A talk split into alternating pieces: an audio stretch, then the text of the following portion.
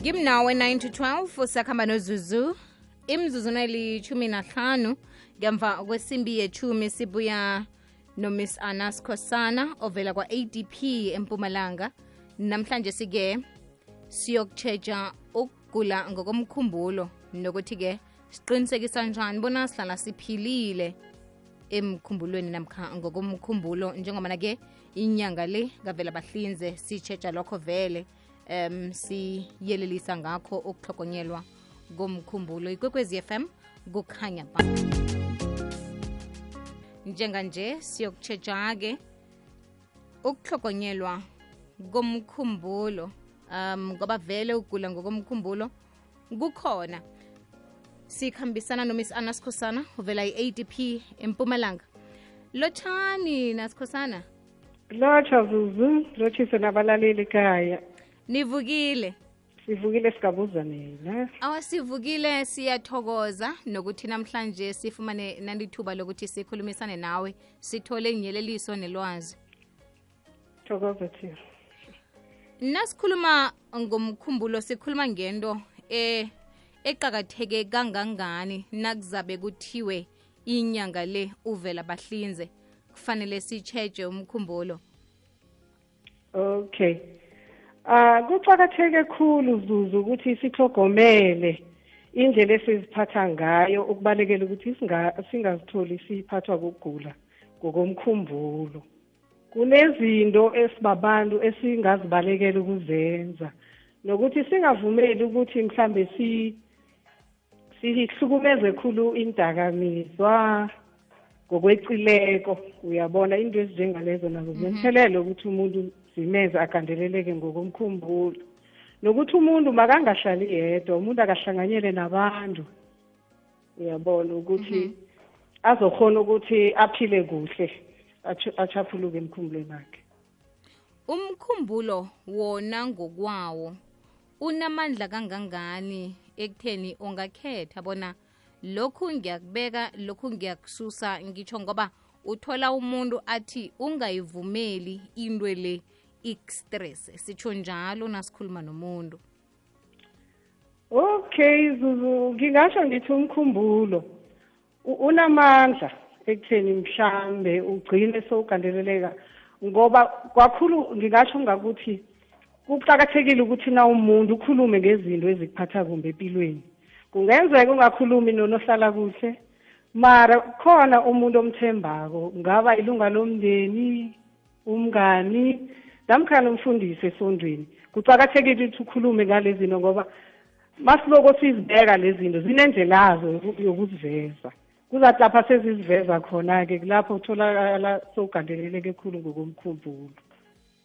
Nasikhuluma ngomkhumbulo sikhuluma ngento okungenzeki bona kuthiwe iyaphumula msi sebenza qobelanga siwuhlogomela njani-ke ilanga nelanga?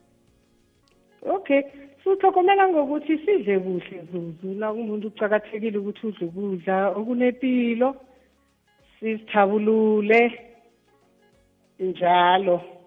Nakho lokho ukuthi sihlanganyele nabanye abantu singazivaleli ngezindlini or batsho sibe nomzwangedwa. O sihlanganyele nabanye abantu. Eya sihlanganyele nabanye abantu. Njengoba mina ngivela e-apd mpumalanga association of and for person with disability sisebenza ngabantu abakhubazekile. So singabawa ukukhuthaza umphakathi wonke ukuthi bahlogomeleke abantu abakhubazekileko. Kokuthoma babahlambise ngamalanga wonke babangahlanjiswa lokha umuntu mhlambe nakaye emholweni bahlwengise nalapha abahlala khona babahlanzele nezambatho zabo. Kucakathekile nokuthi babaphe imishogabo ngokufaneleko susu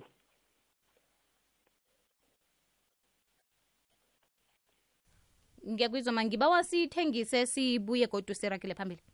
Okay. Enkathini zalokha umrhatsho usabanjwa ngokujika ikunube. Ukhambise ilithi liyokuhlala hlangana kuka-90.6 ukuya ku-107.7 ikwekwezi fm ibikhona.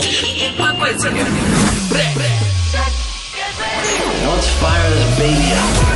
nenkathini zanamhlanje sizoqhofoza inomboro yedijithali nenkundla zokuthindana ezenza umbone ngamehlo umrhatshi wakho omthandako. Ikwekwecfm isesekhona 90.6 ukuya ku-107.7 fm umkhanyo ukhona kukhanya ba.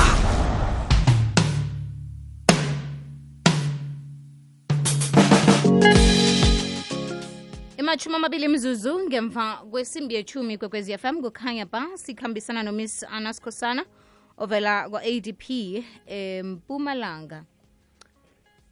Bowusasitshela-ke ma ukuthi umuntu othikamezekile emkhumbulweni kufanele simhlogomele njani. Ingakhani ni-adp zikhona na um imbandulo zokuthi nisize umuntu ozifumana sele ahlala ekhaya nomuntu othikamezekile ngokomkhumbulo khibe um besimazi anganakinga aphile kuhle ngenxa yezinto ezenzekako empilweni nangumuntu sekathoma ukugula. Um si- si- sibandulwa njani? Eh sinawo ama-center esisebenza nawo lapho abantu abagulako bakhona u- ukuhlanganyela khona. Abantu abagula ngokomkhumbulo sinama-support group sinama-social worker abanduliweko ukuthi babahelebhe njengama-suppo- ba- kuma-support groups emasenteni ngama-center. Babatha ama-counseling njalo futhi siyaba siyababandula nangokwemisebenzi ah, imisebenzi yezandla aba- ukuthi bangahlali ekhaya bangenzi litho.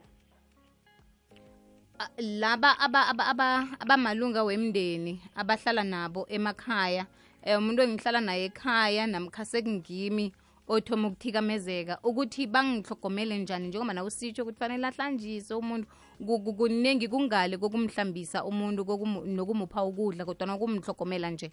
Um babandulwa njani bona?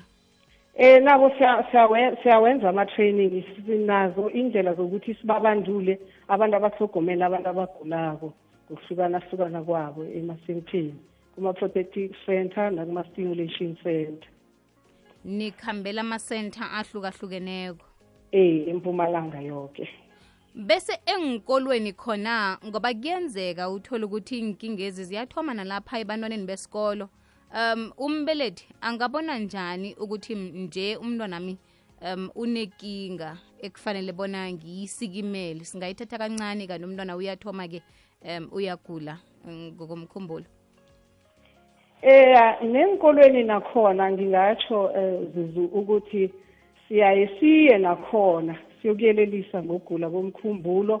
Ngaleyo ndlela nabothishere nabo bakhona ukuthola ithuba ukuthi nakwenzakalako babona kunomntwana mhlambe ochugulukile ngendlela ekade aziphatha ngayo. Mhlawumbe umntwana sekumntwana ohlala thukiwe umntwana umntwana ohlala kwatile mhlawumbe umntwana ohlalalwa bakhona ukumthumela kithi-ke.